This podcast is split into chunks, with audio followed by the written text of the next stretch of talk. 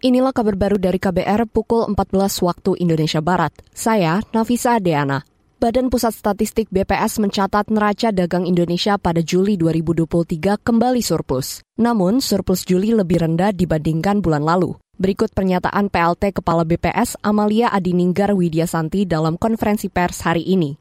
Pada Juli 2023, neraca perdagangan barang kembali mencatat surplus sebesar 1,31 miliar US dollar. Dengan demikian, neraca perdagangan Indonesia telah mencatatkan surplus selama 39 bulan berturut-turut sejak Mei 2020. Surplus Juli 2023 ini lebih rendah dibandingkan dengan bulan sebelumnya dan bulan yang sama pada tahun lalu.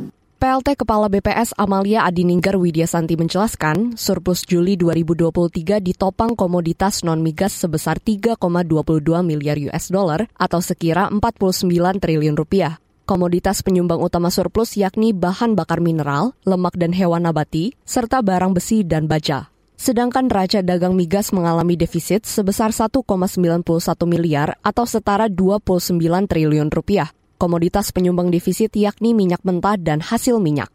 Kita ke informasi lain.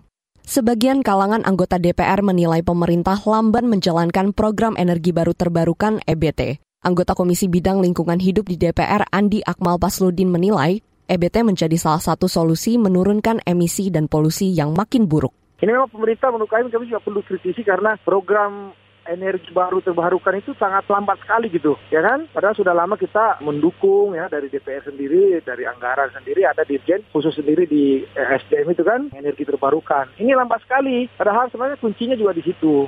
Anggota Komisi Lingkungan Hidup di DPR Andi Akmal Pasludin menambahkan, persoalan polusi perlu diatasi lintas kementerian dan lembaga serta lintas komisi di DPR. Kata dia, DPR bakal segera memanggil pemerintah guna menanyakan upaya konkret mengatasi polusi udara.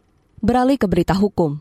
PT Kereta Api Indonesia KAI siap bekerja sama dengan Densus 88 Anti Teror Polri untuk mengungkap kasus terorisme yang diduga melibatkan salah satu pegawainya. Direktur Utama PT KAI Didik Hartantio mengatakan akan mendalami dugaan keterlibatan karyawan lain melibatkan Badan Nasional Penanggulangan Terorisme BNPT. Jadi karena kan semua ini yang kami sekarang tegaskan kepada jajaran ya bahwa masing-masing pimpinan unit harus mengetahui bawahnya langsung.